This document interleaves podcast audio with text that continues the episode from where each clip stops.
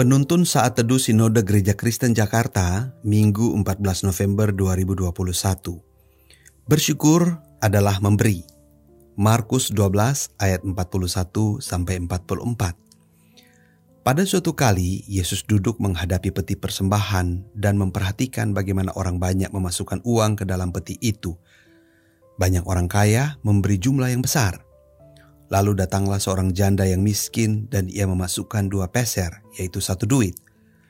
Maka dipanggilnya murid-muridnya dan berkata kepada mereka, Aku berkata kepadamu, sesungguhnya janda miskin ini memberi lebih banyak daripada semua orang yang memasukkan uang ke dalam peti persembahan.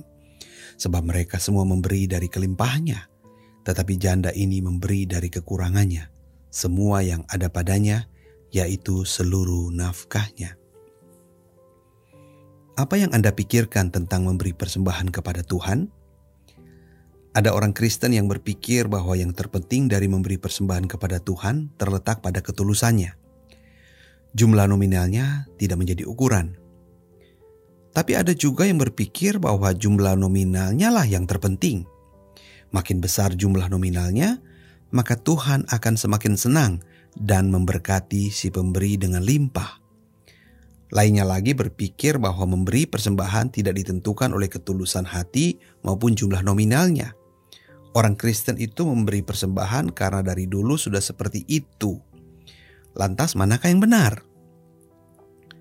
Ketika Tuhan Yesus mengamati persembahan orang kaya dan janda miskin, ia memuji persembahan si janda miskin. Apa yang membuat Yesus memujinya? Alasannya karena janda miskin itu memberi lebih banyak daripada semua orang yang memasukkan uang ke dalam peti persembahan, yaitu seluruh nafkahnya.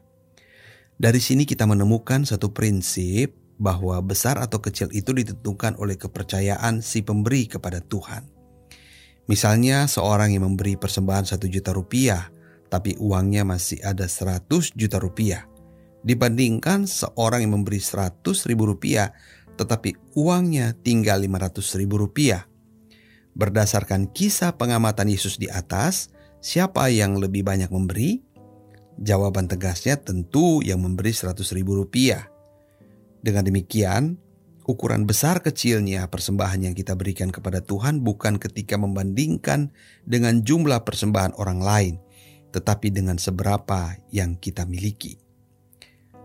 Betapa sering kita menemukan orang Kristen yang berkata bahwa hal terpenting dalam memberi persembahan kepada Tuhan adalah ketulusan hati.